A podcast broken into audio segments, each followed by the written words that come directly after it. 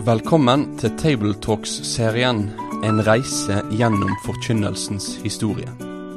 Programmet er utarbeidet av Egil Sjåstad i samarbeid med Asbjørn Kvalbein og Sunniva Fuglestveit, og vært publisert av den kristne ressurssida foross.no.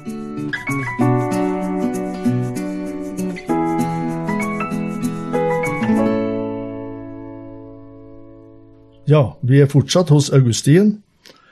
Stasjonen vi stoppa hos han ved, er den er plassert i et mektig landskap der temaet er retorikk. Retoriske virkemidler, og de avhenger av hvilket stoff det taler om, sier Augustin. Er det alvorlig? Er det humoristisk? Er det belærende? Er det personlig utfordrende? Hvilken situasjon er tilhøreren i? Det å stikke fingeren i jorda og sense, for å si det på vår måte, det er i pakt med Augustins retoriske ideal. Vi har sett hvordan han i retorikken stadig opererer med treklanger. Vi skal belære, behage og bevege, ved jevn stil, midtre stil, høystil. En annen treklang innen retorikken var talerens mer personlige egenskaper, logos, etos og patos. Logos har med talerens logiske oppbygging og innhold å gjøre, talens logiske oppbygging og innhold. Patos er en appellform som henvender seg til tilhørerens følelsesliv her og nå. Når avsenderen av en tekst bruker patos, prøver han altså bevisst eller ubevisst å spille på følelser. Tonefall og inderlighet i røsten blir vesentlig. En vil vekke glede, engasjement, frykt, medlidenhet eller avsky hos mottakeren. Alt står i budskapets tjeneste for å skape overbevisning den som taleren har, og som tilhørerne forventes å få. Men, sier Augustin, må ikke overdrive, for preketonen kan faktisk bli så påfallende at den ødelegger for budskapet. Augustin mener Kyprian kunne overdrive. Han stanser til forgjengelige og trivellige goder med en skummende krans av ord.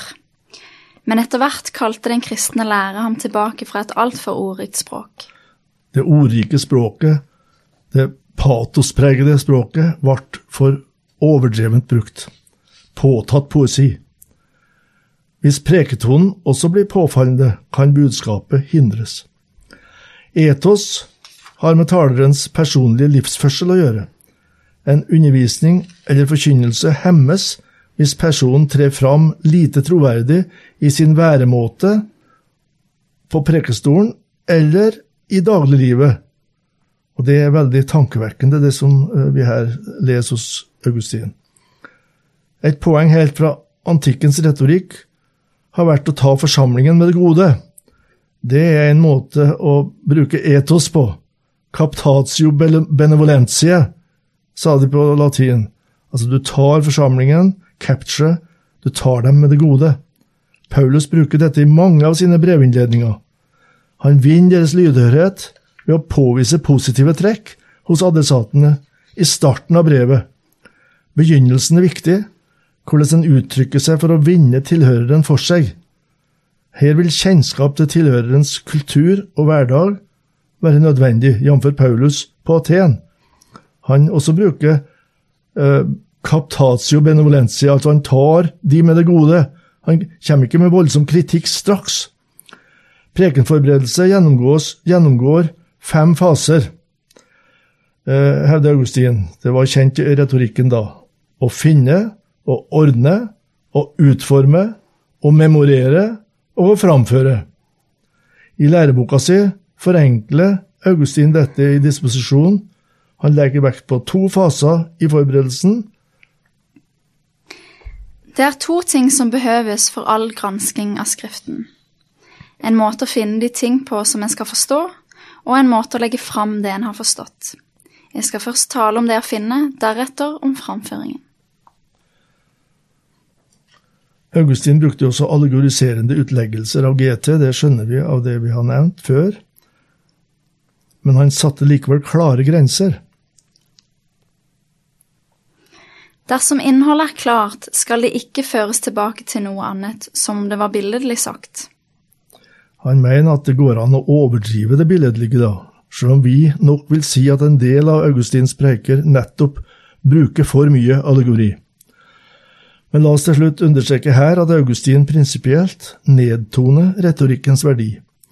For kristen forkynnelse er det sjølve budskapet som gjelder. Om en brenner for stoffet og er fylt av det, finner en oftest måter å si det på. Her refererer Augustin til ordspråka 9.1, og så sier han det slik. Visdommen går ut av sitt hus, og veltalenheter følger etter, som tjenestejenter følger etter husmoren når hun går ut.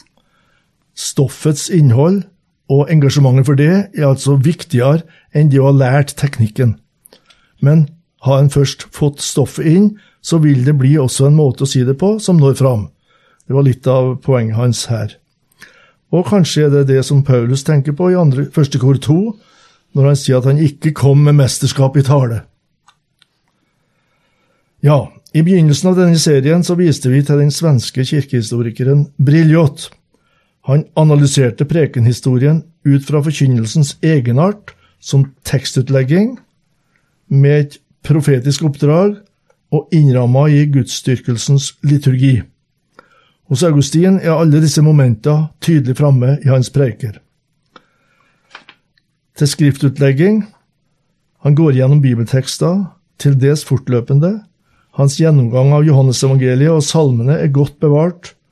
Også når han forkynte i bestemte situasjoner over konkrete tema, er preikene hans oftest utleggelse av tekster, metta med bibelsk materiale, men gjerne med tematisk eh, fokus. Utgangspunktet hans var bibeltekstene, at de inneholder guddommelige sannheter. Derfor får den historiske situasjonen som teksten avspeiler, liten plass. Og Likevel følger han ikke Origenes, som var en altfor stor mester i å åndeliggjøre historiske tekster. Fortellingen om Abraham er på en gang historie og profeti, sier Augustin, og dermed plasserer han seg nærmere den antiokenske tolkningstradisjonen enn den Origenes, Origenes sto for fra Alexandria. Men den allegoriseringen han lærte hos Ambrosius, følger likevel med Augustin i utleggelsen hans. Det kunne også gjelde NT-tekster, for eksempel dveler han lenge ved tallene som er oppgitt i teksten om bryllupet i Kana, for de har noe mystisk over seg, noe som Ånden kan åpenbare for predikanten. Det blir, synes å være logikken Tenk til oppbyggelig refleksjon. Det går an å tenke seg at apostelen Johannes, som fortalte det som skjedde i Johannes 2, antagelig ville ha undra seg en smule over Augustins tolkning. Og så den liturgiske sammenhengen. Ofte merker vi gjenklangen av kirkeåret i Augustins preker. Han hadde flere prekenserier fram mot de store høytidene, påske og jul. Fastepreiker kunne ta farge av å være dører inn til gleden første påskedag, for det var den store dåpsfesten i kirka. Perikopene, altså de konkrete bibeltekstene som skulle leses i gudstjenesten, var ennå ikke fastlåst, men høytidene har satt sine spor på det tekstutvalget som etter hvert ble brukt i kirka. Og flere ganger har Augustin direkte referanse til ting som er lest i liturgien. Nå har nettopp den leseteksten fra evangeliene lytt for våre ører sin plass og viser dermed at han i preika tar hensyn til de tekstene som er satt opp for den aktuelle søndagen. Sentrale tema i troen tas opp i tilknytning til Kristi himmelfartsdag, til pinse. For eksempel legger han vekt på overgangen ifra synlig til usynlig nærvær av Jesus. Det hører med i den liturgiske konteksten. Det merkes at prekenen hans var en sentral del av gudstjenestelivet. Og så det profetiske aspekt ved forkynnelsen. Hos Augustin skjer det hele tida en aktualisering retta mot tilhøreren. Han er ikke så tett på hverdagslivet og den politiske virkelighet som Krysostimos i Østkirka, men den levende interaksjonen mellom tilhører og forkynner avspeiles ofte i Augustins preiker. I ei preke til de nydøpte på påskedag advarer han imot seksuell urenhet. Det har vært en stor problemstilling i hans eget liv, han spiller på ordet kras, som betyr i morgen. Men ordet kras kan samtidig bety ravnenes lyd, tilsvarende kra-kra, da, vi sier om kråka. Og her lyder vekkelsesropet i hans preike til katekumenene. Når skal du omvende deg? Når skal du forandre deg? I morgen, kras, sier du. Se det, når du sier kras, kras, har du blitt som en ravn. Se, sier deg, når du lar dette ravne ord lyde, er det fortapelsen som truer deg. For ravnen som du etterligner, fløy ut av arken og kom ikke tilbake. Første Mos 8,7. Men du, min bror, vend tilbake til kirken som arken symboliserte, og hør meg, dere døpte, hør meg, dere som er gjenløst ved Kristi blod. Jeg tiltaler dere i det navnet som ble uttalt over dere, ved det alteret som de kom til, ved de sakramentene som dere har mottatt, ved den dommen som kommer over levende og døde. Jeg tiltaler dere, jeg forplikter dere ved, ved Kristi navn, ikke å etterligne de menneskene som ønsker å leve slik, altså i utukt. Han hadde også med seg på talerstolen de dogmatiske stridighetene som han levde med i sin samtid. Svært rimelig var det at nettopp Augustin kunne advare mot manikeismen, som han sjøl var tilslutta i ni år, i ungdomstida. Det var en gnostisk prega religion, grunnlagt av den iranske mani, en trussel for mange menigheter. Donatistene var en vranglærende retning med særlig utbredelse i Nord-Afrika. De ble til på 300-tallet, og dermed var dette en bevegelse Augustin sto i kamp mot. De mente f.eks. at sakramentenes gyldighet var avhengig av at presten var en verdig person, en sann kristen. Augustin kunne tordne mot dette også på preikestolen. Pelagianerne lærte frelse ved tro og gjerninger. Mot dem sto Augustin fram med kraft og forkynte nåden alene. Han måtte undergrave vranglæren så ikke menighetene ble påvirka. Få har, som Augustin, talt ord inn i sin egen samtid, og ord som samtidig har vært opplevd aktuelle og tankevekkende i de 1600 år fram mot vår egen tid. Augustins bakgrunn som retorikklærer var tydelig i prekene hans. Han unngår lange perioder, men griper tilhørerne med korte, tilhogde setninger, enkelt og begripelig språk, parallellismer og rytme, og hans skarpe psykologiske teft, som avspeiles i hans bekjennelser, kom også til uttrykk i forkynnelsen.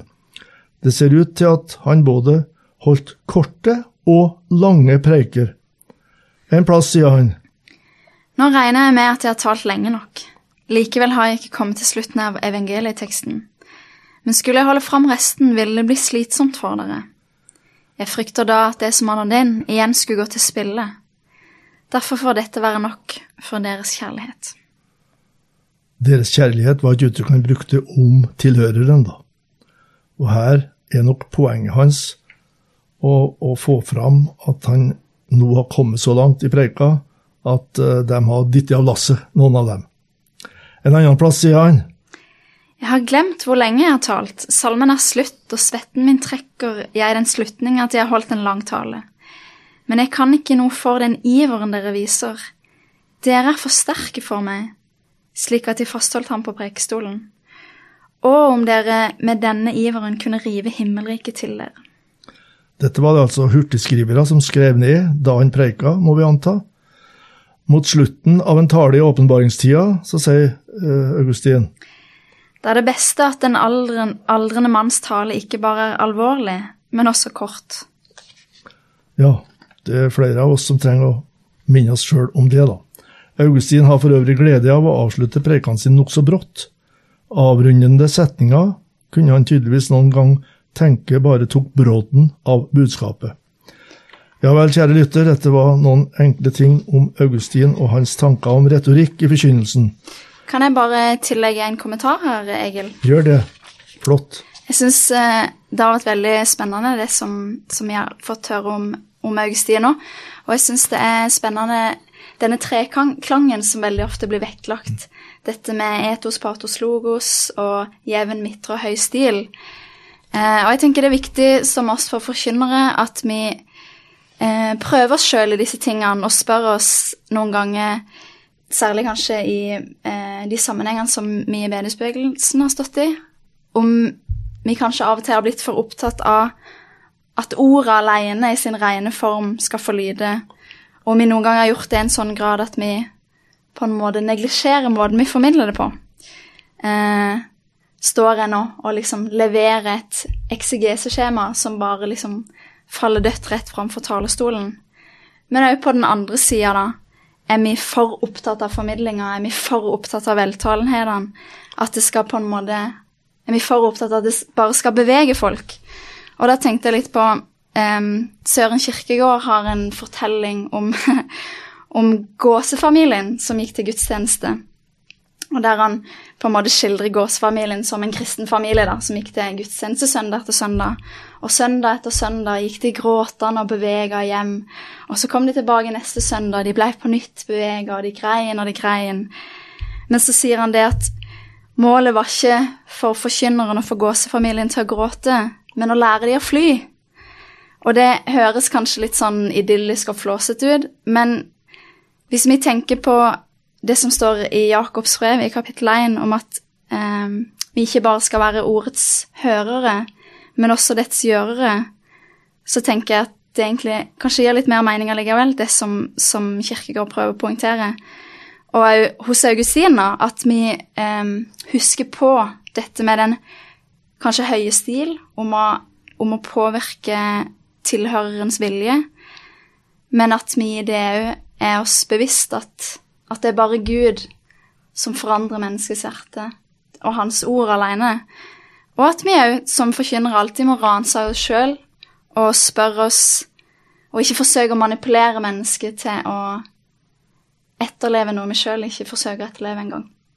Men som en sånn avslutning tror jeg det er i hvert fall viktig å huske på det at um, vi kan trene oss i veltalenhet, men det er Guds ord som forandrer et hjerte. Det var bra høyttenkning, Sunniva. Takk for det. Takk for at du har vært med på denne reisa gjennom forkynnelsens historie. Vil du lese mer om temaet? Da kan du kontakte oss på postalfakrøllfoross.no for å bestille denne serien i bokform. Besøk òg gjerne foross.no for å finne flere aktuelle ressurser.